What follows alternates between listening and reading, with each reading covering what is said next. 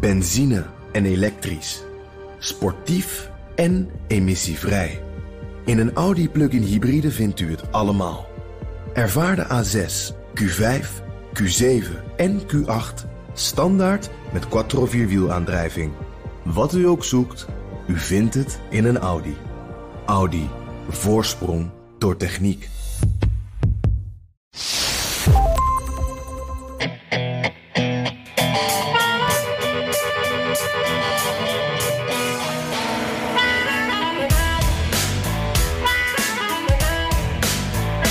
Amerika steunt Israël. Dat staat sinds jaar en dag vast.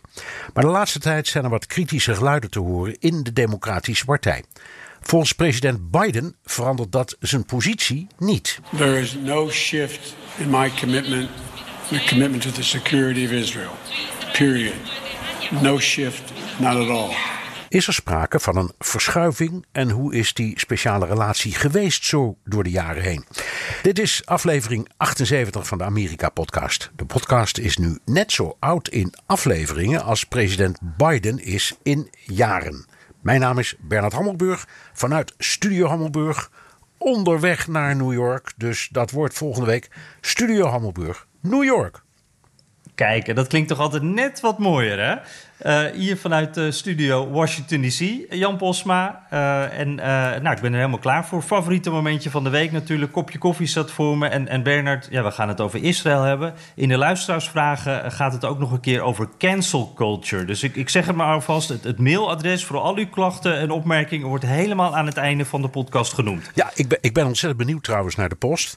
Ehm, Jan, hoe is het in Washington en waar maken ze zich op dit moment druk over?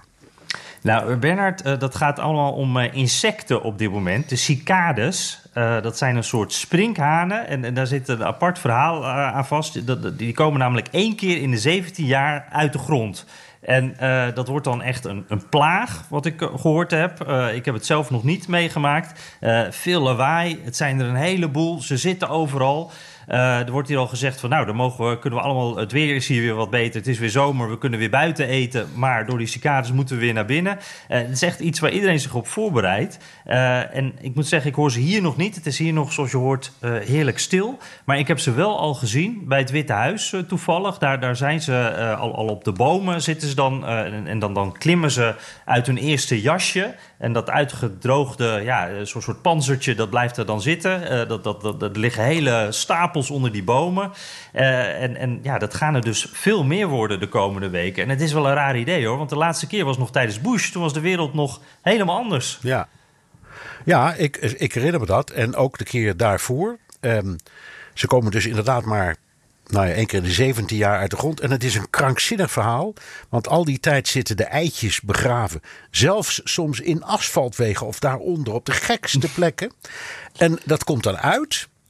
En dan vliegen ze uit. Ze, ze doen totaal geen kwaad. Ze zijn helemaal niet gevaarlijk. Het is alleen maar heel vies en heel veel herrie.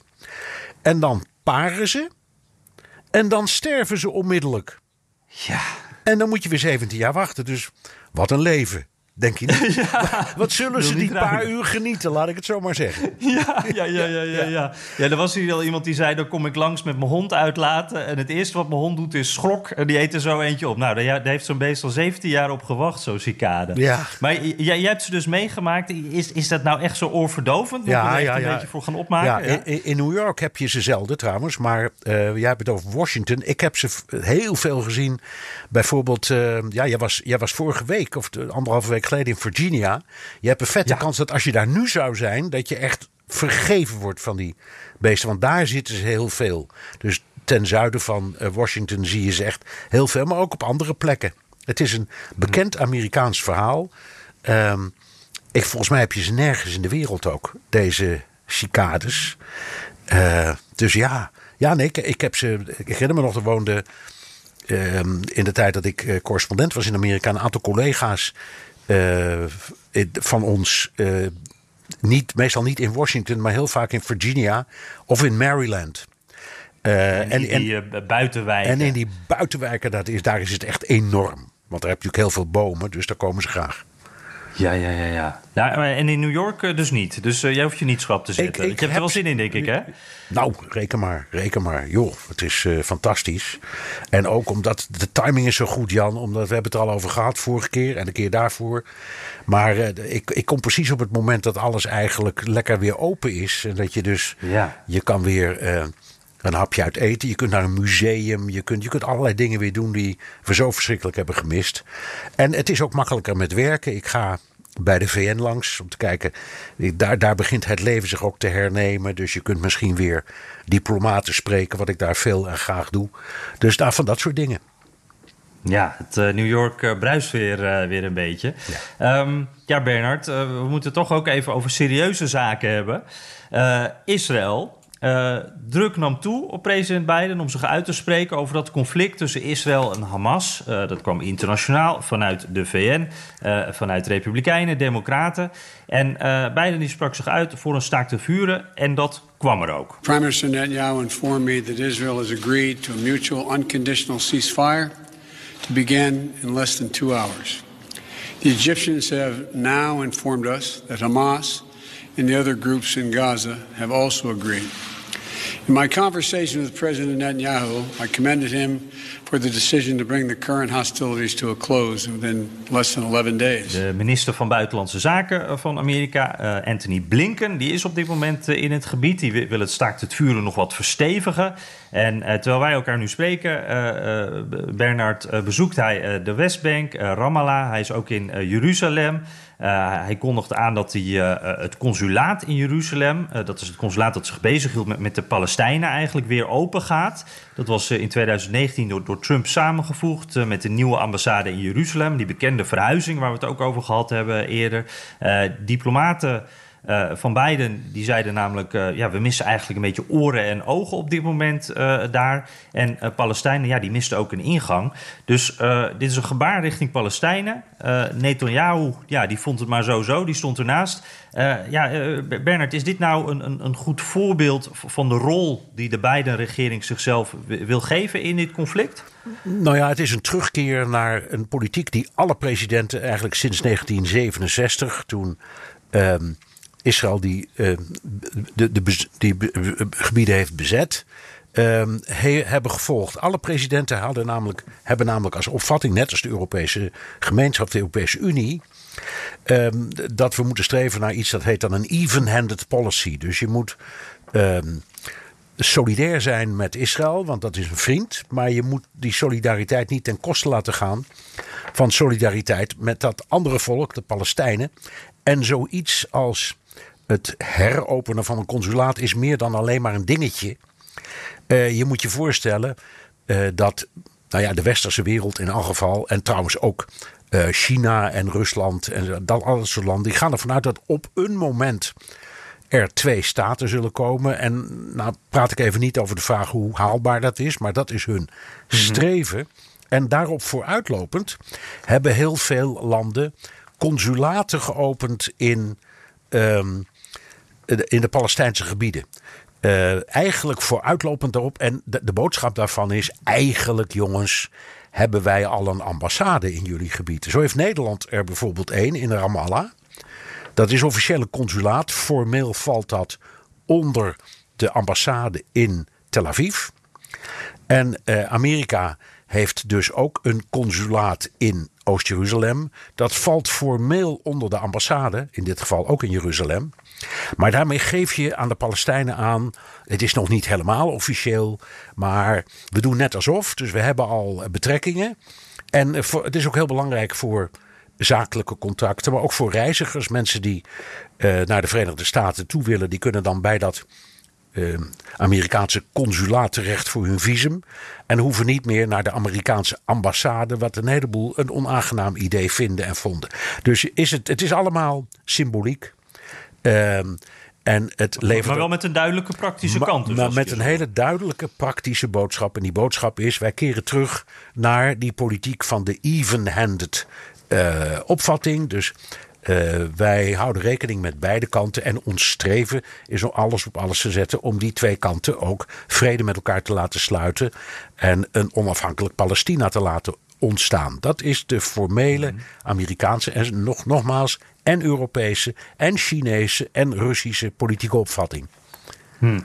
En, en nou uh, zag je de afgelopen weken ook, terwijl dat conflict in, uh, in Israël, dat dat, dat uh, ontvlamde, dat ook hier in Amerika discussie was. zijn eigen partij, zijn eigen partij, die, die, die zette hem onder druk vanuit twee kanten eigenlijk. democraten die pro-Israël zijn, die vinden dat hij te terughoudend is, meer steun voor Israël moet uitspreken. En er is ook een groep progressieve democraten. En, en dat viel op, die vinden juist dat er wel wat kritischer naar Israël gekeken geworden. En dan gaat het bijvoorbeeld over Rashida uh, Tlaib uit uh, Michigan, maar ook bijvoorbeeld uh, AOC, hè, Bernie Sanders. Dat zijn ook, die, die, spreken zich daar ook duidelijk voor uit. En ik krijg de, de, de, indruk dat die, die kant ook naar buiten toe mondiger wordt. Dat er meer ruimte is om dit soort dingen expliciet te zeggen. En, en ook bijvoorbeeld wel in de Amerikaanse media. Dat je het iets duidelijker ziet dan vorige keren dat er uh, een ontvlamde situatie was. Zie jij dat ook? Ja, eh, dat, dat, zie ik ook zo, Jan. Ik ben het met je eens. Ik vind dat. Uh, uh, ik heb altijd een vreselijke hekel aan pro-Israël of pro-Palestina. Ehm, ik vind die uitdrukkingen zo. ja. Um, het lijkt net of we het over republikeinen en democraten hebben, zal ik maar zeggen. En zo is het natuurlijk niet. Mensen die uh, dit soort rollen vervullen, die willen uiteindelijk ook vrede. Uh, en sommigen zeggen er is veel te veel ten koste gegaan van de Palestijnen. En er is veel te weinig druk gezet om Israël, op Israël dat uh, met de bezettingspolitiek. En anderen zeggen ja, maar dan moeten die Palestijnen ook wel gas willen geven. En dat doen ze niet. Dus je, je hmm. moet het een beetje uit zijn frame halen. Hè? Die Palestijnen die, die zijn ook niet heilig. En die hebben in al die jaren eigenlijk alleen maar gemopperd. Ze hebben geweigerd verkiezingen te organiseren. Er zit een president die ik geloof al 14 jaar of 13 jaar demissionair is. Uh, Abbas, die zichzelf maar president blijft noemen. Uh, er zijn enorme spanningen tussen uh, de partij van Abbas, Fatah en eh, Hamas. Dat zijn vijanden. Ehm, en de Israëliërs, ook als je het helemaal losmaakt van je politieke voorkeur. Israëliërs die zeggen: ja hoor, wij willen best met de Palestijnen aan de slag. Die zeggen er altijd bij: met welke Palestijnen eigenlijk?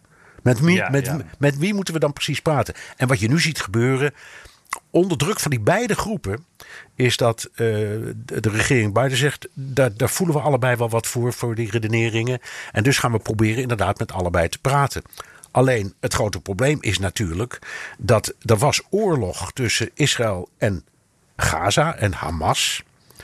En uh, Biden komt niet in uh, Gaza en praat niet met Hamas, want dat is officieel een terroristische organisatie. Dus daar mag en kan hij niet mee praten.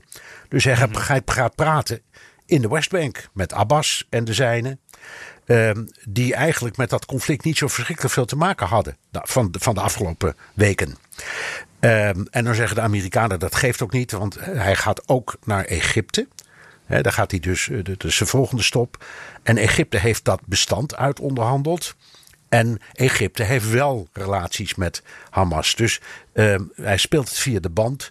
En, ik, en, dat, en dat wordt ook allemaal heel duidelijk door de woordvoerders en door, um, door Blinken zelf uh, gecommuniceerd. Dus je kunt precies volgen hoe ze denken en wat ze doen. En ja, daar is uh, wel wat voor te zeggen. Ja, en dan even, dat, je had het over uh, Rashida Tlaib. Dat komt inderdaad, die komt uit Michigan. Mm -hmm. Dearborn. Um, ze is daar geboren trouwens, maar ze is van Palestijnse afkomst. En die maakt zich heel erg druk om de Palestijnse zaak. En die andere, ik zal maar zeggen, linkse parlementariërs, doen dat ook. Uh, Dierborn is een hele interessante stad trouwens, uh, Jan. Ik heb daar ooit een film over gemaakt. Uh, dat was toen, ik weet niet of het nog zo is, de grootste Arabische stad buiten de Arabische wereld. Dus er zijn, hmm. daar zijn vanaf het midden van de ja, 19e eeuw tot uh, dit moment de ene groep na de andere vluchtelingen, immigranten, om wat voor reden dan ook, naartoe gekomen. En die, die, die film die, die heette Halal in the Prairie. Zo heette ah, die. oh wauw, dat is wel een hele mooie titel. Ja, Halal in the Prairie. En um, die, uh, de, de, de reden dat ik die ooit gemaakt heb was omdat in Dierborn eigenlijk nooit iets gebeurt. Dat is een bevolking die heel erg lijkt op elke moslim. Er zijn natuurlijk ook christenen erbij, bij die Arabieren. Maar het zijn heel veel moslims. Die lijkt op elke moslimgroep in de hele wereld. Dus ze, ze, ze zijn op, gekleed als uh, moslims uit het Midden-Oosten. Ze spreken vaak bijna geen Engels. Uh, de winkels hebben alleen maar opschriften in het Arabisch. Mm-hmm. Maar er zijn helemaal geen spanningen. Althans, die waren er op dat moment eigenlijk nog nooit geweest. Dus ik wou weten, hoe komt dat nou toch? Um, en daar hebben we toen een hele studie van gemaakt. En dat kwam er hierop neer dat die mensen die daarheen komen, die, die, die komen expres niet naar Europa. Die willen naar Amerika, omdat ze ja, carrière willen maken of hun kinderen willen laten studeren. Maar in ieder ze hebben een, een ambitie. En uh, als je daar niet aan het werk gaat en je doet niet mee, ja, dan, dan lukt het niet. Dus ja. die mensen die storten zich daar in het, uh, het, uh, zeg maar in het leven. en um, daar zit ook de fabriek van Ford hè, in Dierborn. Mm -hmm. Uh, en dat is de grootste werkgever. En daar werken bijna alle mensen in Dierborn. En ook dat is een grappig verhaal. Want Henry Ford, de oprichter van die fabriek, dat was een onvoorstelbare racist. dus die wilde geen zwarte uh, werknemers of Indiaanse werknemers. Neem maar op. Maar Arabieren vond hij blank. Dat vond hij blank. Dat vond hij, die, dus die mochten wel. Die mochten wel. Dus die zijn, die zijn met duizenden tegelijk aan de slag gegaan. Aan ja. de lopende band van Henry Ford. En daardoor is er een, een behoorlijke welstand daar gekomen. Nou, daar komt ja. zij vandaan. Um, en dat is inderdaad een hele bewuste, echt Arabische stad. Dus het is best begrijpelijk dat ze uit zo'n district dat soort geluiden vertegenwoordigt. Ik vond dat ook. Uh, ik ben er een paar jaar geleden ook eens geweest. En niet zo uitgebreid als jij trouwens. Maar ik, het is inderdaad het is een heel ander gevoel als je daar bent. Het voelt heel uh, on-Amerikaans buitenlands eigenlijk. Maar wat ik echt uh, mooi vond, mensen waren daar. dat, dat ondernemingsgezinde, wat jij ook schetst dat, dat voelde je daar ook echt wel. Mensen waren daar zo uh, bezig met uh, hun eigen uh, leven verbeteren, hun, hun ondernemingen groter maken. Daar zat zoveel drive in die gemeenschap. Dat en dat is natuurlijk iets heel Amerikaans. Dus dat, dat, dat past ook heel goed. Ik vond het op dat punt wel een hele mooie positieve plek. Ja, we hebben er ook gefilmd bij de Joods-Arabische um, Huppelenflutsvereniging. Ik weet niet precies hoe ze ja. heten. En die organiseren diners en bals. En die zamelen geld in en die geven studiebeurzen weg. Gezamenlijk. Dus ik vroeg natuurlijk aan die leiders. Jongens, hoe, hoe kan zoiets? Toen zeiden ze, oh, heel simpel. Als we maar niet over politiek praten, dan gaat dit uitstekend. Ja. ja. nou, dat, dat, is een tip ook voor, voor andere Amerikanen inmiddels, denk Precies. ik. Als we maar niet over politiek hebben. Nee, Jan, hoe, hoe ligt nu de steun onder de Amerikaanse bevolking? Ja, nou, daar was ik wel nieuwsgierig naar. Juist door die berichten en, en uh, nou ja, de, wat we net schetsen, uh, die, die Talib en, en andere uh, prominente democraten die dus meer naar buiten treden. ik, ik zag wel heel duidelijk nog steeds pro-Israël hoor. Maar als je kijkt naar peilingen.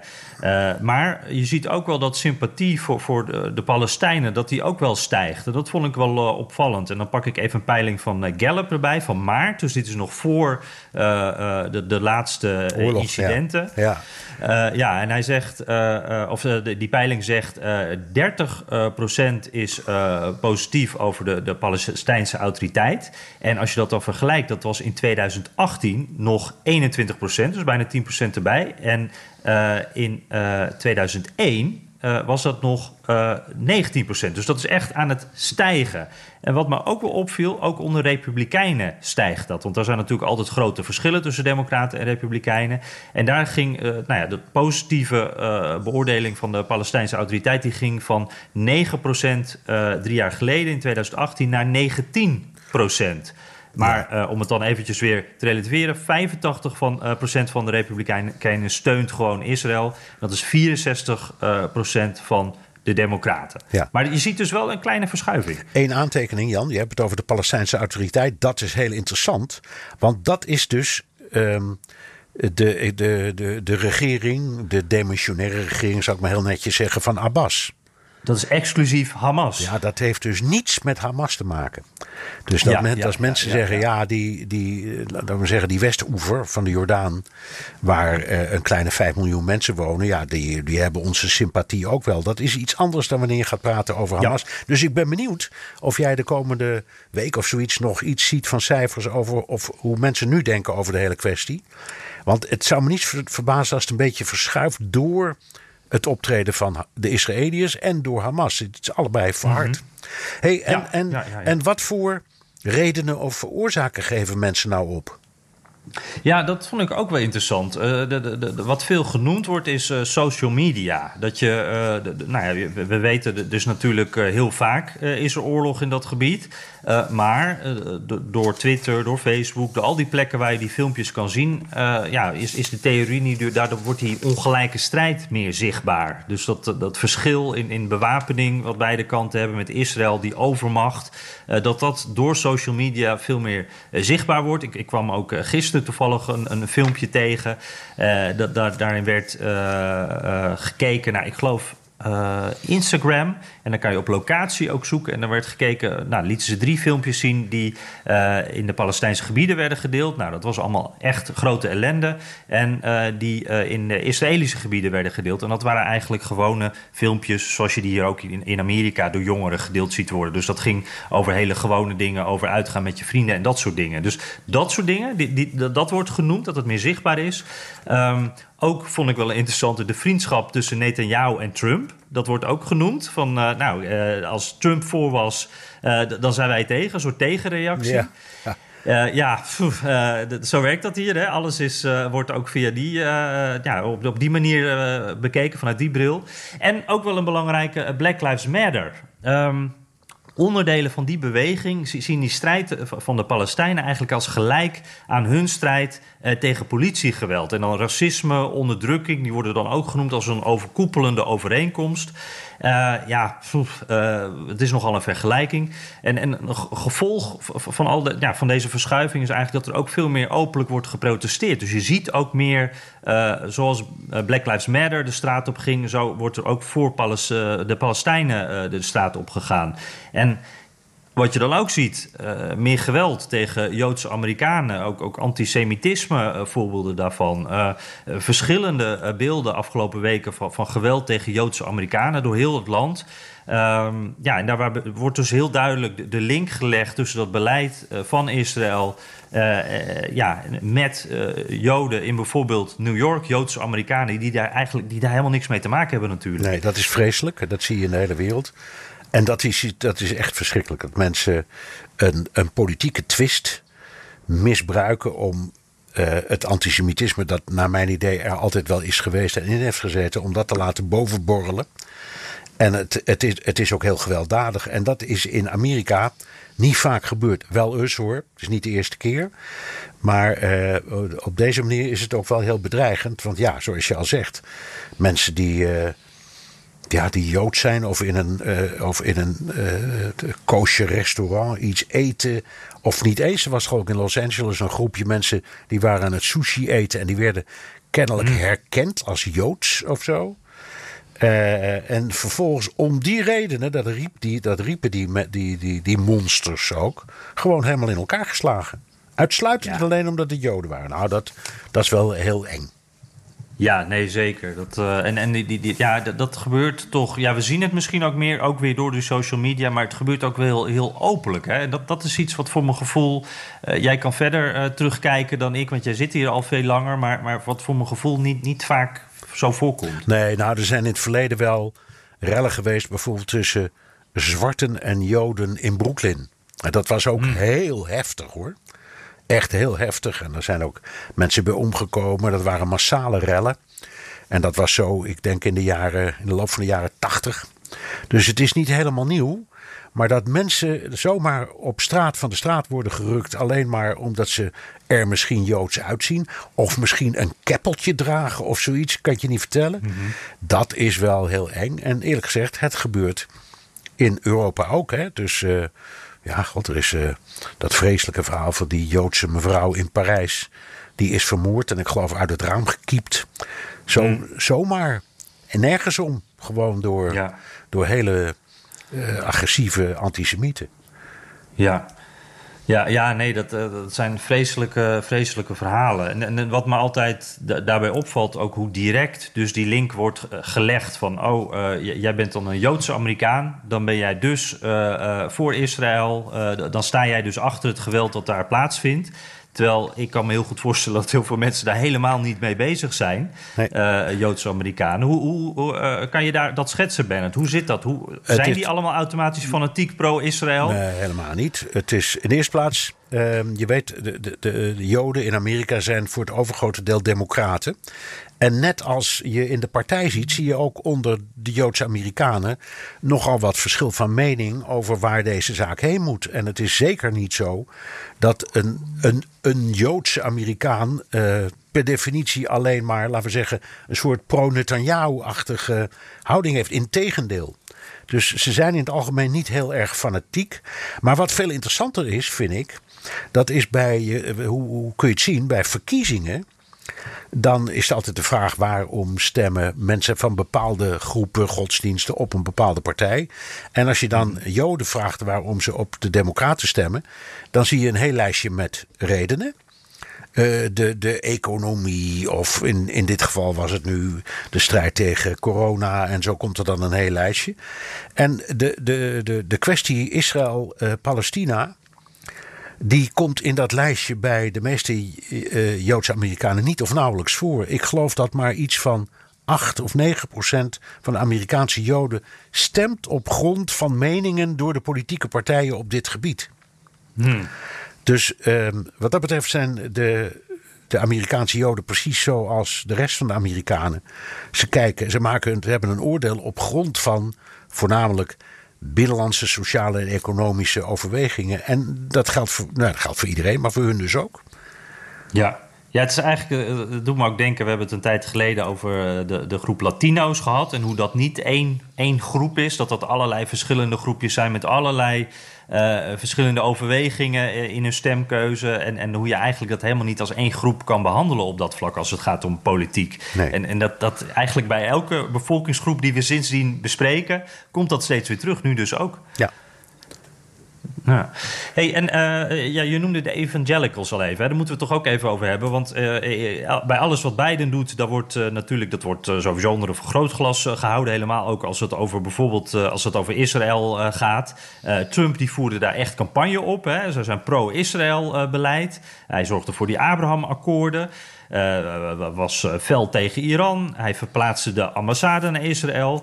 Hij Ja, van, van, van Tel Aviv naar Jeruzalem. Hè? Dat was. Jeruzalem, sorry. Ja, in, ja. Ja. Ja, ja, je hebt gelijk. En eh, hij, hij pocht daar echt mee. En ik merk ook wel eh, bij evangelicals, eh, meer nog dan ik had verwacht, is dat echt, dat, dat wordt altijd, die, die top drie komt altijd voorbij als je dan vraagt van wat is er goed aan Trump? Nou, dit is goed aan Trump. Ehm, dus hij haalde ze daar mee binnen. Ehm, nou zie ik bij Biden ook toch gewoon een, een pro-Israël standpunt. Wat genuanceerder, maar het is er wel gewoon. Is, is, is er nou iets anders, Bernard? Of is, is het toch gewoon een beetje gelijk gebleven? Nou, wat de evangelicals betreft, ehm, zoals voor de rest van de onderwerpen die in Amerika belangrijk zijn, speelde, die, die zijn heel erg fanatiek op dit punt. En daar ging het Trump ook om. Die heeft die ambassade echt niet verplaatst omdat hij eh, eh, eh, daar de Israëliërs een plezier mee wilde doen, maar omdat hij zijn eigen evangelische kiezers op de hand wilde krijgen. En dat is ook heel goed gelukt. Dus die, die hebben hem echt omhelst. Je- Helemaal zoals jij zegt. Het staat altijd in de top drie van topprestaties van Trump. Daar noemen ze altijd de houding die hij heeft tegenover Israël. Ehm, is het bij Biden nu eh, heel erg anders? Ja, het is natuurlijk anders. Omdat Biden zegt, ja sorry. Maar ik kan dat andere volk, die, die Palestijnen, kan ik niet negeren. En dat moet en wil ik ook helemaal niet. Alleen, ik doe dat alleen maar eh, met de Israëliërs samen. Zoals eigenlijk alle presidenten voor Trump dat ook deden. Dus er is niet zo heel veel veranderd. Eh, alleen ja, mensen die, zeggen, die, die denken dat eh, bij Trump er een radicale transformatie is geweest in het Amerikaanse buitenlandbeleid. Ja, die worden nu misschien een beetje katterig wakker. En dat blijkt niet zo te zijn. Ja, dat geldt misschien dus ook wel voor eh, Biden-supporters. die ook denken van, nou ja, ja, maar niet. Biden-supporters wisten dat altijd wel. Kijk, Biden is al heel consequent geweest op dit onderwerp. Die heeft mhm. altijd, heeft natuurlijk ook in de tijd van Obama als vicepresident, bij al die overigens mislukte pogingen om een, om een ja, vergelijk met de Palestijnen uit te onderhandelen. Hè. Je herinnert John Kerry, die toen minister van Buitenlandse Zaken was, en die miljoenen, letterlijk miljoenen kilometers heeft gevlogen in zijn poging, is allemaal mislukt. Uh, daar heeft Biden ook enorm achter de schermen een enorme rol in gespeeld. Uh, dus iedereen wist al, en ook in de tijd dat hij senator was, hij heeft eigenlijk op dit punt zijn standpunt nooit veranderd. Dus je weet wat dat betreft precies wat je aan hem hebt. Ja, ja. Hey, ik heb een uh, luisteraarsvraag van David van Gils. Dat gaat over de ambassade. En hij vraagt zich af: um, is een terugkeer van de ambassade naar Tel Aviv, dus het terugdraaien eigenlijk van, van uh, wat, bij, uh, wat Trump heeft gedaan, is dat in het kamp Biden überhaupt nog onderwerp van gesprek geweest? Of wordt ook hier, zoals met, met wel meer buitenlands beleid, stilzwijgend de lijn van Trump doorgezet? Nee, dat, het ligt net even anders. Uh, het, het, het, het, kortste antwoord is nee, die, die ambassade gaat niet terug. die blijft daar gewoon, want dat zou um, ja, enorme politieke schade opleveren. Eigenlijk overal en aan alle kanten. Want hmm. ook, ook, laten we zeggen, de felle tegenstanders van Amerika in dit beleid. die zouden dat dan zien als een enorme uh, capitulatie van Biden. Dus het is sowieso niet goed om te doen. Maar wat ik al eerder zei, dat plan om de ambassade terug te verhuizen, zo wordt het geformuleerd, van Tel Aviv naar Jeruzalem. Uh, dat, uh, dat ligt er al heel lang. En uh, Bush heeft er daarover gebogen, Obama heeft erover gebogen. En die kwamen steeds maar tot de conclusie dat je dat pas moet doen als um, ja, er een alomvattend akkoord komt, zoals ze dat noemen. Hè? Een comprehensive treaty tussen die twee kanten. En onderdeel daarvan is die kwestie van de ambassade. Um, dus het is, geen eh, het is helemaal niet de voortzetting van de lijn Trump. Het is meer dat Biden het niet in zijn hoofd zal halen om. Uh, ja, om, om, om, ja, om hier een soort van storm over. Ja, het zou echt een groot statement dan worden. Misschien ja, en dat is, dat, dat, dat, dat, is het helemaal niet waard. Ik bedoel, het is gebeurd en het is ook niet erg. En het is, ja, het is wat het is. Uh, en zeker nu dat die, die, die, die, dat consulaat voor de Palestijnen er weer komt in Oost-Jeruzalem. En Biden dus zegt: jongens, eigenlijk hebben we voor jullie een aparte ambassade. Zoals Nederland dat doet met het consulaat, zoals dat dan heet, in Ramallah. Ja, dan, dan sukkelen dat soort gevoelens vanzelf weer weg. Hm. Nou, duidelijk. Ja, en uh, Bernard, het is, uh, wat, ik dan ook denk, uh, het is een beetje een slecht, slechte timing dit hè, voor, voor Biden eigenlijk. Want die wil zich lekker focussen op het binnenland, die wil het hebben over corona en economie. Uh, dit komt dan net weer op zo'n moment dat, dat, dat uh, Biden volgens mij dit, die wil dit zo snel mogelijk achter zich laten. Hij kan hier ook niet echt op scoren uiteindelijk, want dit, dit gaat hij natuurlijk niet in de komende paar jaar oplossen. Dus ik denk dat hij ook wel, dat hebben we Iran ook nog trouwens, waar, waar hij natuurlijk ook mee, mee, aan de slag is. Dus hij wil het, deze onrust eigenlijk zo snel mogelijk achter zich laten. Ja, dat is waar. Um, maar het, wat je net uh, besprak, uh, wat we net bespraken over waar staat Biden nou precies en wat is zijn boodschap. Hij krijgt nu wel de gelegenheid om te zeggen: kijk jongens, ik heb altijd gezegd dit is mijn beleid in die Palestijns-Israëlische kwestie. En ik probeer het nu ook uit te voeren. En ik weet ook wel dat het waarschijnlijk niet lukt. Maar voor al die kritische stemmen, ook in zijn eigen partij van weerskanten, is dit helemaal niet zo slecht nieuws, denk ik. Wat wel slecht nieuws is, is dat Pompeo de oud-minister van Buitenlandse Zaken onder Trump naar Israël gaat. Ja, ja ik, ik, moest even twee keer lezen toen ik dat zag hoor. Want ik, ik weet niet of jij dat nog wel eens hebt. Ik uh, tik nog wel eens per ongeluk uh, president Trump in plaats van president Biden als ik even niet nadenk. en nu zag ik ineens Pompeo voorbij komen en ik dacht, hè? Maar die gaat inderdaad als privéburger gaat hij naar Israël. Hij wil eind van de week al. Ehm, nou, dat, dat uh, moet nog even gekeken worden of dat ook allemaal zo gaat lukken. Want er zijn natuurlijk allerlei coronarestricties. Maar uh, ja, ik weet zeker dat ze in het Witte Huis dit uh, nadrukkelijk in de gaten houden. Want dit is natuurlijk hele saillante timing. Pompeo duidelijk de Trump-lijn. Uh, onvoorwaardelijke steun voor Israël. Uh, hij uh, wil daar ook nog wel eventjes een beetje op scoren, denk ik. Want hij, hij wil nog steeds. Hè. In 2024 ziet hij zichzelf nog wel als kandidaat. anders misschien nog wel daarna, presidentskandidaat dus. de laatste tijd, hij, hij, probeert wel af en toe wat zichzelf in de kijker te spelen. Maar dat lukt nog niet echt. Dus ik ben heel benieuwd of hij inderdaad als burger stilletjes daar gaat zijn. Of dat hij toch op, op een beetje Trumpiaanse wijze de aandacht gaat zoeken dat, dat wordt nog wel even spannend. Ja, ik denk eerlijk gezegd, Jan, dat ook Pompeo vooral zijn ogen heeft uh, gericht op de evangelische beweging in zijn eigen land.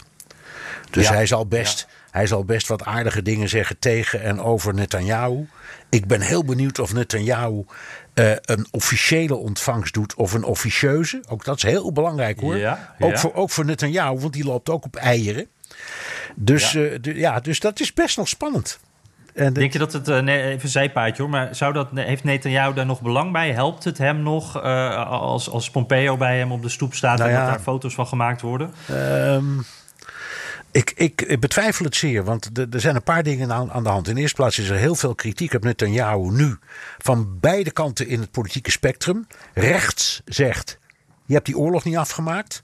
Je had Gaza moeten veranderen in een parkeerplaats. Ja, ik, ik, ik zeg het maar even gewoon. Dat, dat soort vreselijke termen gebruiken ze. En links zegt eigenlijk een beetje wat ook de, de, veel democraten zeggen. Jongens, we kunnen zo niet door. Er wonen hier ook Palestijnen. En dat, dat moeten niet altijd onze vijanden blijven. We moeten een oplossing zoeken. Um, en daardoorheen zit. Uh, kijk, Netanyahu die had door deze oorlog. Hij was opzij geschoven als uh, formateur. Hè? Dat was niet gelukt om een mhm. kabinet te vormen. En zijn tegenstander, Lapid, die had een nieuwe formatieopdracht gekregen. Maar die rekende enorm op de steun van links en rechts, inclusief de Arabische partijen in het Israëlische parlement. Nou ja, die willen daar nu niet meer aan meedoen. Dus Lapid is op achterstand. Het kan best zijn dat Netanyahu alsnog terugkeert. Weer als formateur. Het zou kunnen. Um, en dan op zo'n moment heeft hij uh, aan een kusje van Pompeo heeft hij wel wat. Hmm. Okay, voor nou, zijn eigen uh, achterban. Dus het is een hele ja, spannende ja, kwestie hoor nu. Ja, precies. Nou, dat uh, gaan we in de gaten houden. Want ik, ik uh, eigenlijk uh, werk ik al de hele tijd naar één ding toe, deze podcast, Bernard. Want je merkt het al, we trekken je een beetje leeg, hè, deze aflevering. Want jij bent natuurlijk ook, ook de expert op dit gebied. En um, ja, de, de, Amerika kijkt, lijkt al sinds mensenheugenis pro-Israël. We hebben het net al wat beschreven, maar dat is niet altijd zo geweest. die speciale relatie die begon met Truman. En over Trump werd al door Republikeinen gezegd, hij is de president president die het meeste deed voor Israël sinds die Truman. Nou, jij als buitenlandcommentator, jij volgt dit al jaren. Uh, neem ons eens mee naar het begin, naar Truman en, en alle belangrijke ontwikkelingen daarna. Dan neem ik even een slokje koffie en dan ga ik even achterover. Ja, dan neem ik nu ook even een slokje koffie, want even een aanloop. ja. nou, ik probeer het kort en duidelijk te houden. Inderdaad, Truman, Truman zat met twee dingen. Die moest eerst het delingsplan van de Verenigde Naties goedkeuren. Over wat doen we met Palestina. Het was daarvoor een Frans-Brits mandaatgebied. En, en, toen is dat plan goedgekeurd om het te verdelen in een Arabisch en een Joods deel. Zo stond het in dat delingvoor.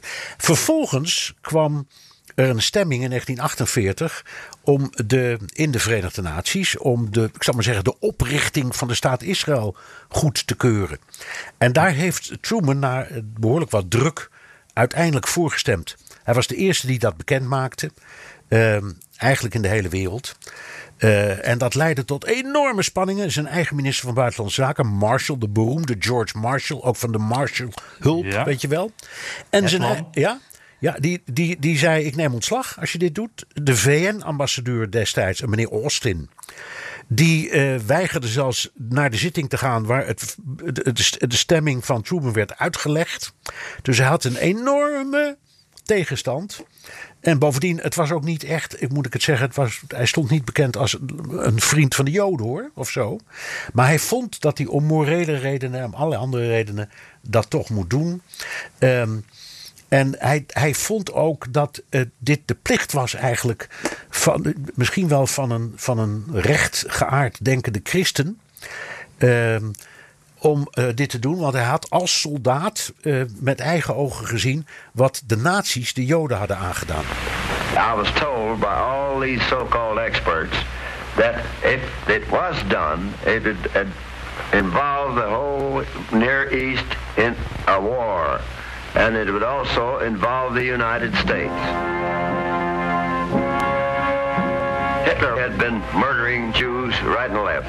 I saw it, and I dream about it even to this day. The Jews needed some place where they could go. It was my attitude that the American government couldn't stand idly by while the victims of Hitler's madness were not allowed to build new lives. Nou, Truman werd opgevolgd door Eisenhower. Je zou kunnen zeggen dat is misschien wel de meest anti-Israëlische president die er ooit is geweest. Truman had, uh, ja, als een soort compromis ook met Marshall, een wapenembargo tegen Israël ingesteld. En dat is ook jarenlang zo gebleven. Komt direct nog wel even over terug, op terug. Maar Eisenhower, die, uh, was, ja, die was echt. Uh, nou, die hield helemaal niet van Israël. In 1956 ontstond er een oorlog uh, over Ehm, eh, het Suezkanaal dat Egypte had geblokkeerd en ook in wilde nemen. Dus het wilde het eigenlijk nationaliseren.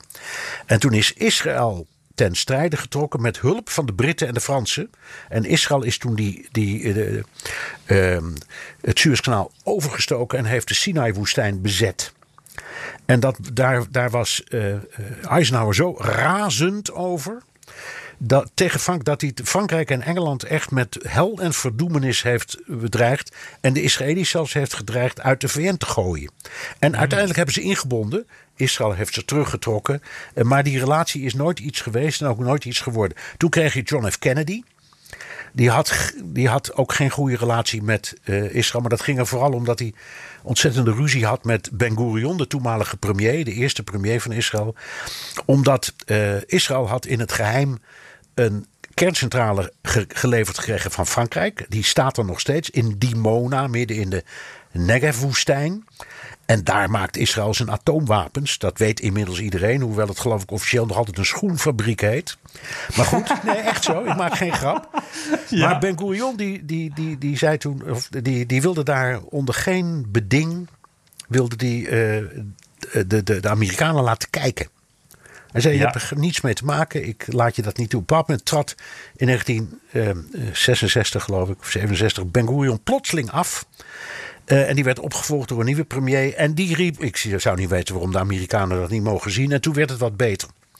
Toen kreeg je de oorlog. En, en Bernard, ja. mag ik even, want eh, is het nou eigenlijk zo, onder Eisenhower en, en John F. Kennedy had je dus twee presidenten na elkaar die om verschillende redenen eigenlijk niet zo pro-Israël waren. Nee. Was, was dit een beetje een soort dieptepunt in de relatie, kan je dat zo zeggen? Ja, dat kun je zeker zeggen. Bij JFK viel het nog wel mee, maar bij Eisenhower was echt een dieptepunt. En dat heeft eigenlijk geduurd tot, tot, tot de, uh, de oorlog van 1967. Dat wapenembargo waar ik het net over had, dat hebben de Amerikanen al die tijd volgehouden. En toen in 1967 Israël die beroemde Zesdaagse oorlog voerde en al die beze gebieden bezette, die nu nog steeds gedeeltelijk bezet zijn. Toen deden ze dat allemaal met Franse wapens. Mystère, uh, Mirage uh, gevechtsvliegtuigen. Um, ze gebruikten ook heel veel Brits materieel. Maar ik zal maar zeggen, nog geen Amerikaanse kogel. En dat, en dat is toen pas omgeslagen. In die tijd was Johnson al president. En die had wel sympathie voor het verhaal van Israël.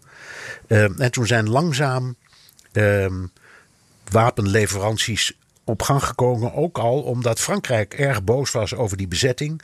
En weigerde om uh, de relatie met Israël op die manier voor te zetten. Rusland trouwens ook. Die hebben eigenlijk hun, hun, hun relatie verbroken. Uh, en uh, ja, dat, dat, vanaf toen begon Amerika Israël, van wapens te voorzien. Um, en het, een, een heel belangrijk moment waarop dat helemaal duidelijk werd, was tijdens de volg volgende oorlog in oktober 73. Toen uh, Israël het heel moeilijk had en zelfs dreigde uh, onder de voet te worden gelopen door de Syriërs en uh, de Egyptenaren. En dus om wapens zat te springen. En toen is er een enorme luchtbrug gekomen met wapenleveranties aan Israël. in het diepste geheim. En die liep via Nederland, via een militaire basis in Nederland. Um, en dat was dat, dat, dat, dat is, ook dat was allemaal in het diepste geheim. Het was zo geheim dat Joop den Uyl, die toen premier was, dat pas later hoorde.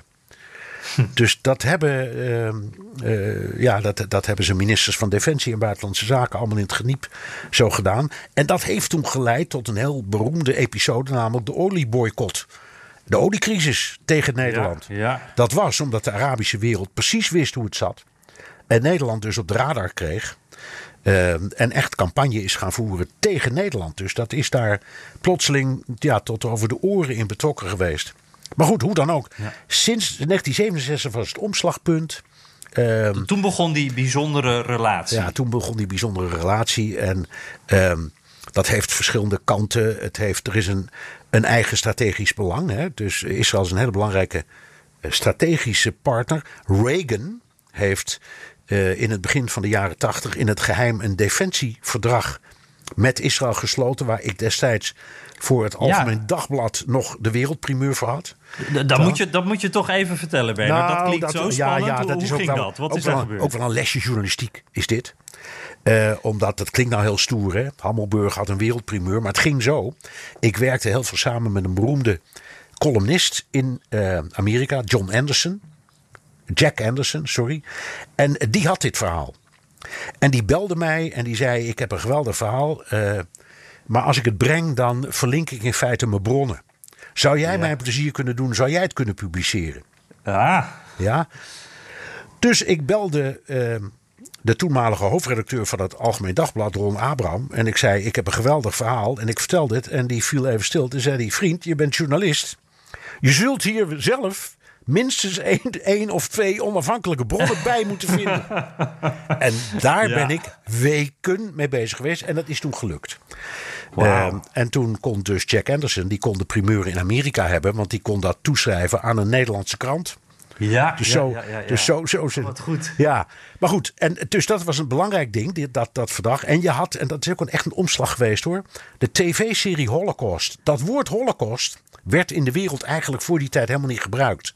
Dat is door die televisieserie, is dat eigenlijk gepopulariseerd.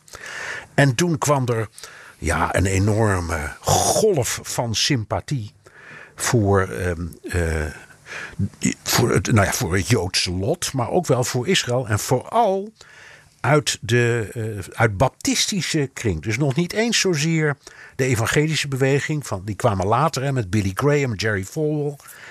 Maar gewoon de traditionele baptisten. Ik zal maar zeggen, de groep waar mensen als Bill Clinton uit voortkomen. Er, staat, er, staat, er staat bijvoorbeeld in, in, het, eh, in de memoires van Bill Clinton, hè, My Life, wat eh, door journalisten altijd My Lies wordt genoemd.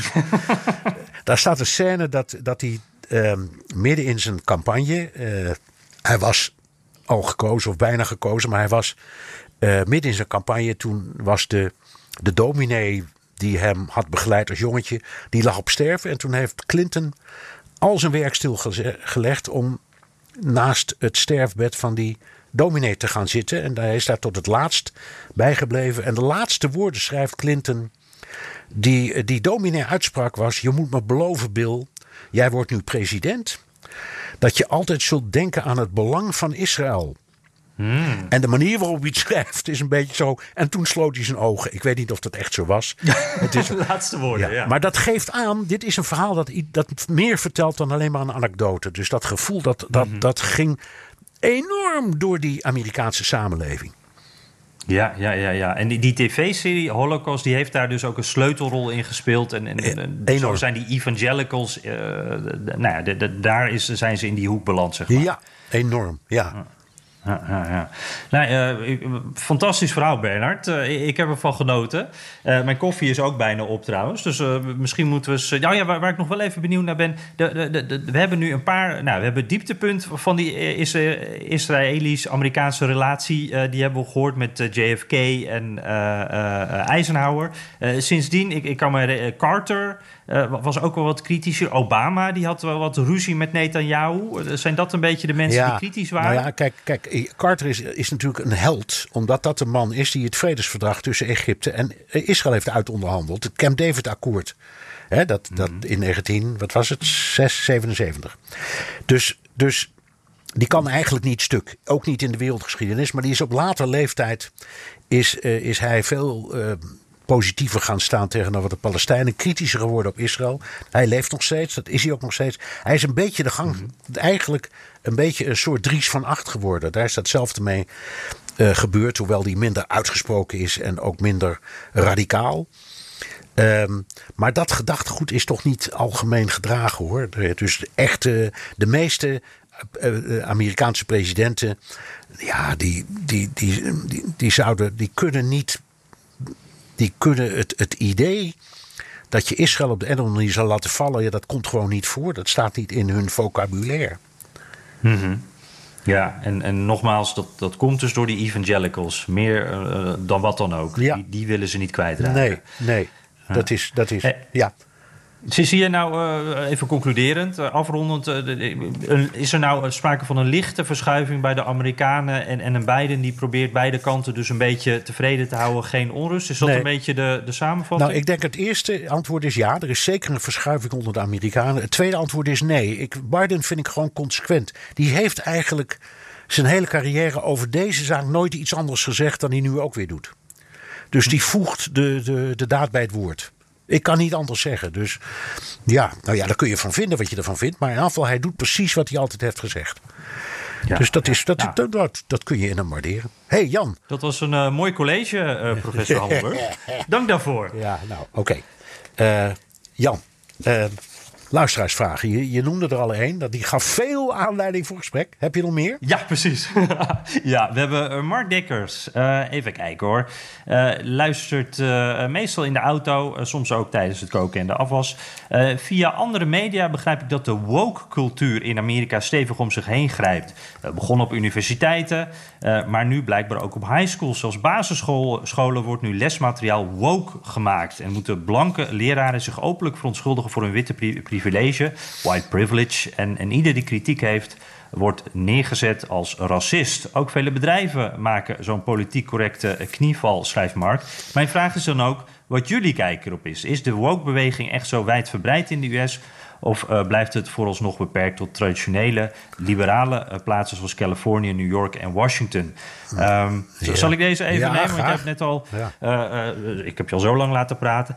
Um, maar kan je even ook een slokje weer nemen? ik heb zelf het gevoel, en ik ben benieuwd ook wat jij ervan vindt, Bernard. Ik, ik, ik, heb het gevoel dat die term woke ook, ook wel wat misbruikt wordt. er zijn natuurlijk mensen die uit de bocht vliegen. Die verhalen horen we dan ook. Dat er in de politieke correctheid wat wordt doorgeslagen. Maar ik denk, ja, die, die mensen heb je altijd. En nu worden die gevallen echt, echt uitgelicht, uh, groter gemaakt. Uh, bijvoorbeeld op Fox News, waar echt elk voorbeeld dan uh, neer wordt gezet van... ja, maar kijk, dit is hoe die hele linkerkant van de samenleving denkt. En dat stickertje woke wordt er dan opgeplakt op die hele groep. Uh, en, en, dat is denk ik niet terecht. En ik denk, je ziet ook uh, wat, wat genuanceerder een, een, herwaardering van bepaalde aspecten van de Amerikaanse geschiedenis. En ik denk dat dat juist wel uh, heel goed is. Dat maakt mij dus dan ook woke. Maar goed, Amerikanen die, die, die geloven, heb ik echt het gevoel vaak in een soort sprookjesversie van hun eigen geschiedenis. Daar zijn wij in Nederland ook wel schuldig aan. Hè? Maar hier is dat echt nog wel sterker.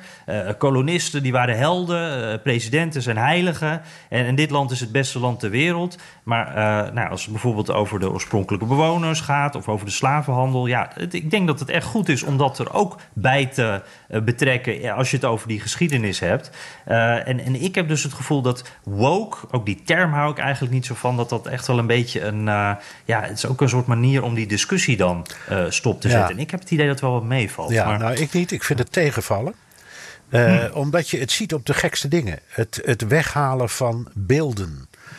Het veranderen van namen van uh, militaire bases of andere belangrijke instituten die sinds mensenheugenis bijvoorbeeld zijn genoemd naar generaals uit de Confederatie, dus uit de tijd mm -hmm. van de burgeroorlog. Ja, dat zijn gewoon historische figuren. En door die weg te halen of door die namen te veranderen, verander je de geschiedenis niet. Integendeel, je begint als het ware de geschiedenis te verzwijgen. Dus wat je behoort te doen, naar mijn idee, is het verhaal compleet maken. Dit, dit, eh, dit, eh, dit is generaal Lee. Nou ja, die werd gezien als held. Bij nader inzien is dat misschien niet helemaal waar. Want die zuidelingen die konden er wat van. Maar we gaan die man niet uit de geschiedenis weghalen. En die woke-beweging heeft die neiging. Om te zeggen, wat niet deugde, dat moet ook weg uit het narratief. En daar heb ik moeite mee. Nou, dat kan ik me goed voorstellen. Ik denk daarbij wel bij die beelden, wat wel een heel sprekend voorbeeld is inderdaad. Waarom zijn die beelden daar ook neergezet? En die zijn vaak dan eh, eind 19e eeuw, begin 20e eeuw neergezet. En dat, die zijn een, ook een symbool toch voor zwarte onderdrukking. Daar ook neergezet met een eh, idee van eh, ja, die burgeroorloghelden.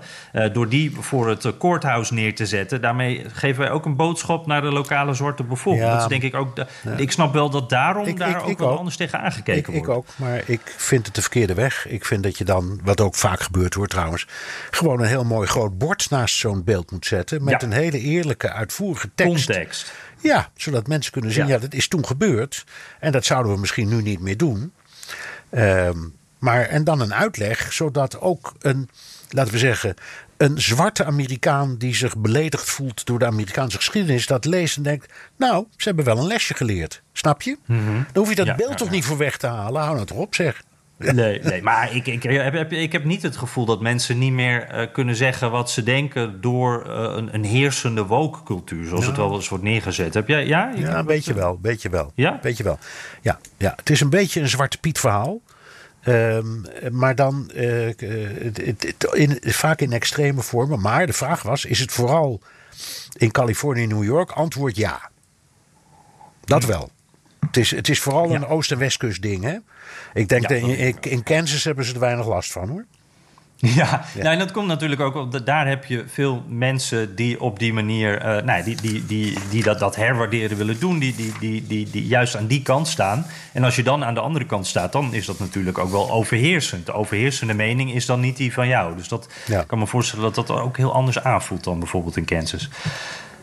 Nou goed, ik hoop dat we hierbij niet eh, gecanceld worden, Bernard. Nee. Ehm, Sjoerd Gillissen, eh, ja, die zegt het Hoge Rechtshof heeft nu twee controversiële zaken aangenomen. Eén over wapens en één over abortus. Ik vroeg me af of het toeval is dat deze, nu, eh, deze twee gevoelige onderwerpen nu ineens behandeld worden. Nu het Hoge Rechtshof ook een, eh, een conservatieve meerderheid heeft. En eh, ook nog benieuwd of de uiteindelijke uitspraak invloed kan hebben op de tussentijdse verkiezingen over anderhalf jaar. Poeh.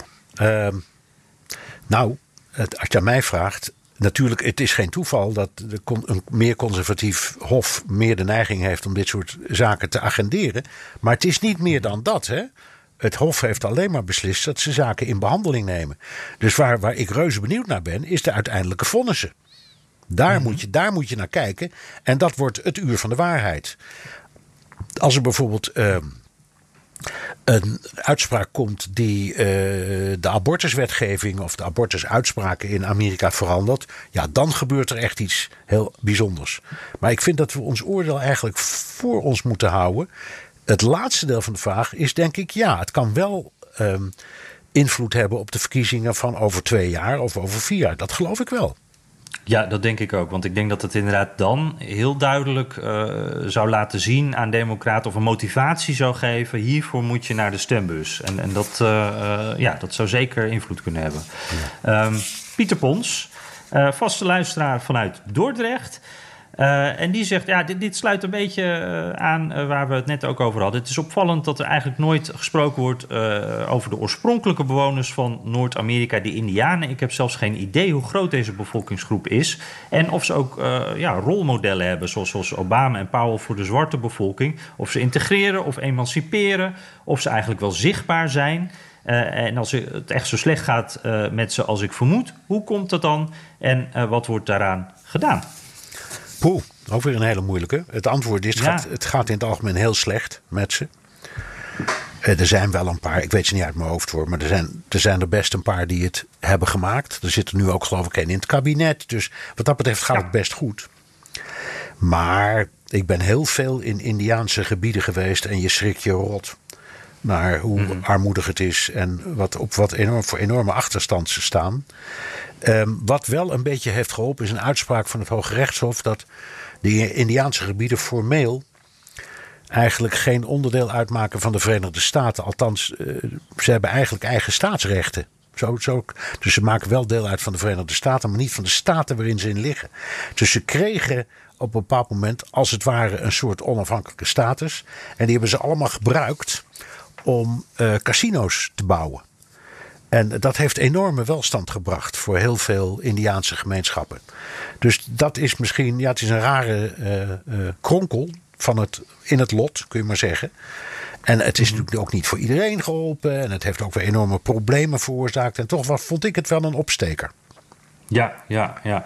ja, en daar zie je ook hele succesvolle ondernemers tussen. Maar tegelijkertijd ook bijvoorbeeld uh, corona. Uh, je zag ook weer in, in die gebieden waar, waar, veel van die Native Americans wonen, daar zijn dan minder goede voorzieningen. Uh, daar zijn de ziekenhuizen verder weg. Dus daar kwam dat dan toch ook weer hard aan.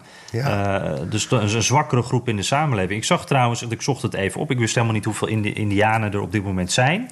en toen kwam ik een cijfer tegen van 3 miljoen.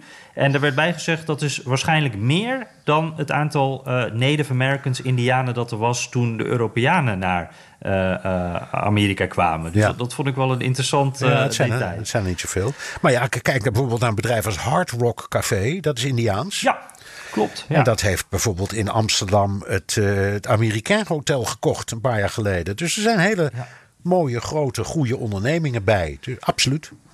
Ja, en eh, tenslotte nog even trouwens, The Atlantic had een paar weken of een paar maanden geleden al een heel goed stuk waarin eh, gepleit werd om de nationale parken terug te geven aan eh, Native Americans. Dus als je nog wel wat eh, wil bijlezen, Pieter Pons, dat is een goed artikel. Floris Bom. die zegt, hoe, ja, die heeft een gedachte-experiment. Die zegt: Hoewel ik het de man natuurlijk niet toewens, ben ik benieuwd wat jullie denken dat er zal gebeuren met de Republikeinse Partij als Donald Trump vandaag zou overlijden. Hij lijkt nog zo'n enorme grip te hebben. En sommigen gebruiken de tekst: Donald is de partij. Uh, dus hij vraagt zich af: valt de boel niet uiteen mocht uh, Donald Trump wegvallen? En dan doet hij, uh, moet hij ook even denken aan de LPF na het overlijden ja, van Fortuyn. Ja, nou ja, goed. Nederland heeft. De, de, kreeg 26 zetels. Die, die, had zoveel stemmen dat een, een dode man 26 zetels in het parlement haalde. Dus dat is een mm. beetje uitzonderlijk. Ik, ik hou niet van dit soort gedachten. We wensen niemand dood en het is ook niet voor de hand liggend. Volgens mij gaat het prima met de Donald. En gelukkig ook met de Biden. Dus mm -hmm. ik, ik, sorry, ik, ik neem hem niet als je het niet erg vindt. Ja, je gaat even niet mee in het uh, gedachte-experiment. Nee, nee. We, de, de, nee niet, door, niet door, door dood. Sorry. Oké, okay, dan gaan we even door naar Diederik de Groot. En ja. uh, dat is een uh, goede bekende. Ja, gewaardeerde collega. Collega en goede vriend, zeker. Ja, ja, en ik probeer zijn mail eventjes uh, recht aan te doen door hem samen te vatten, zonder dat ik daarin uh, de nuance uh, verlies. Want hij heeft een heel mooi verhaal geschreven. En het gaat over Lyndon Johnson. Hij zegt: Ik wil wel een speciale Lyndon Johnson aflevering. hij zei: van Jullie zijn er zelf ook zo enthousiast over. Ja, dat lijkt mij heel erg leuk. Um, en hij wilde even inhaken op het staartje van de vorige aflevering. Uh, hij luisterde dat in de stromende regen terwijl hij zijn hond uitliet. Uh, Finn heet die hond, geloof ik. Ja. Uh, groetjes, Finn. En daarin zegt hij... Bernard stelt dat Clinton zijn overwinning aan Ross Perot heeft te danken. Maar dat is minstens in dispute. Dus daar kan je over discussiëren. Uh, het was ook wel een makkelijk frame, zegt uh, Diederik, uh, voor de Bush-campagne om dat verlies zo een beetje weg te schrijven. En hij heeft daar dan nog een mooi filmpje over waarin dat wordt uitgelegd. En ook nog een artikel van de Wall Street Journal. Hij zegt: Mijn conclusie dat het zeker zou kunnen dat Perot heeft meegeholpen aan de overwinning van Clinton. Maar dat het niet zo zeker is als Bernard het stelde. Nee, nou dat kan. Misschien dat ik het zwart-wit maak, dat kan. Het verhaal uit de, de Wall Street Journal vond ik enigszins getekend, wat logisch is, want dat is in het algemeen toch een pro-republikeinse krant. Dus die analyse die herinner ik me ook nog wel en ik heb het ook nog wel weer gezien. En er zijn heel veel mensen, uh, Diederik dus ook, die zeggen eigenlijk kun je zeggen dat die, die, die, die stemmen aan weerskanten terecht zijn gekomen. Uh, mm-hmm. En het kan. Uh, Perot kwam uit um, Texarkana. Zo heette het plaatsje. En dat is precies op de grens van Texas en Arkansas. En Bush kwam uit Texas, althans, daar woonde hij. En Clinton uit Arkansas. Hij zat, hij zat er ook letterlijk tussenin. Precies in het midden. tussen die twee culturen, zal ik maar zeggen. Dus in die zin kan het wel kloppen. Um, laat ik het zo zeggen, ik heb die verkiezing zelf heel actief meegemaakt. Um, en voor zover ik weet waren, nou ja, bijna alle pijlers het er toen over eens dat, eh, het- dat, er, dat er meer stemmen zijn afgesnoept van eh, Bush dan van Clinton door die overigens hele sterke performance van Ross Perot. Hij heeft het geweldig gedaan. Hij is heel ver gekomen. Ehm, dus ik, ik denk dat het verhaal niet klopt, maar ik snap het wel. Ja, er, er zit ook een, een beetje zo'n what-if scenario is Ja. het. Hè? Van, je kan het nooit helemaal zeggen. Dat is heel vaak hangt dat rond die, die third-party candidates. Dat er dan wordt gezegd, van, oh, maar kijk, Ja. die heeft toch een belangrijk, indirect een belangrijke rol gespeeld. Maar ja, helemaal weet je het nooit, toch? Nee. Prima. Nou, zullen we hem daarmee eh, maar afronden dan, eh Bernard? Ja. Ehm, Ik, nou, laten we dat doen. Heb je nog recensies? Ja, zeker. Terwijl ik eh, net even me bijna verslikte in mijn laatste slokje. Eh, vier sterren van Q Kals. Die zegt, eh, genoten van weer een mooie podcast. Alleen twee dingen. Nou, we spitsen onze oren. Liz Cheney is het enige lid van de House namens die staat. Haar district is de gehele staat Wyoming.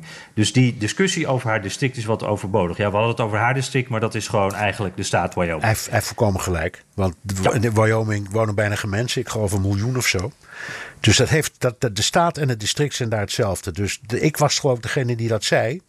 En dat klopt dus Nou, dat weet ik niet. niet eens meer. Nee. Nou ja, ach, ja, voor, Dus ja, het is... Q, Q Kals heeft helemaal gelijk. Ja, en eh, dat is ook een eh, eh, expert als het gaat om verdovende middelen. Cocaïne wordt gemaakt van coca-bladeren en heeft een stimulerend effect. Van papaver maak je inderdaad opioden. Ja. Opio zeg je dat zo? Of opiaten? Opiaten, ja. Nou, opi- ja, of opi- opioïden kun je ook zeggen. Oh, ja. Maar dat, dat, dat klopt. En ik heb geloof ik vorige keer mij versproken door net te doen alsof cocaïne en, eh, een opiaat is.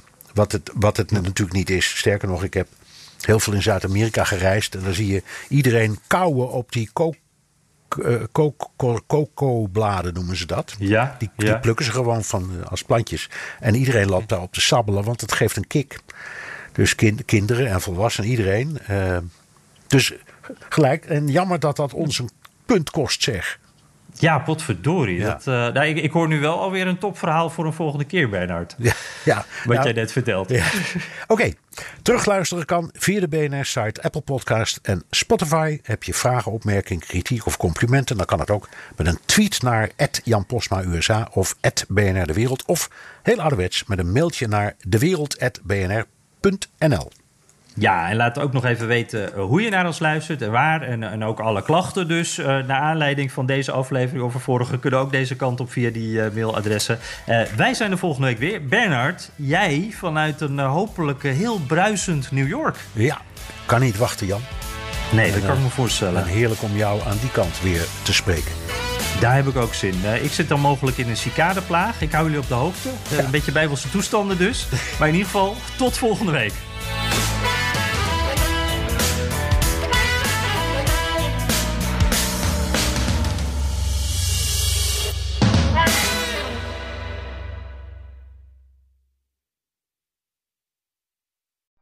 Benzine en elektrisch.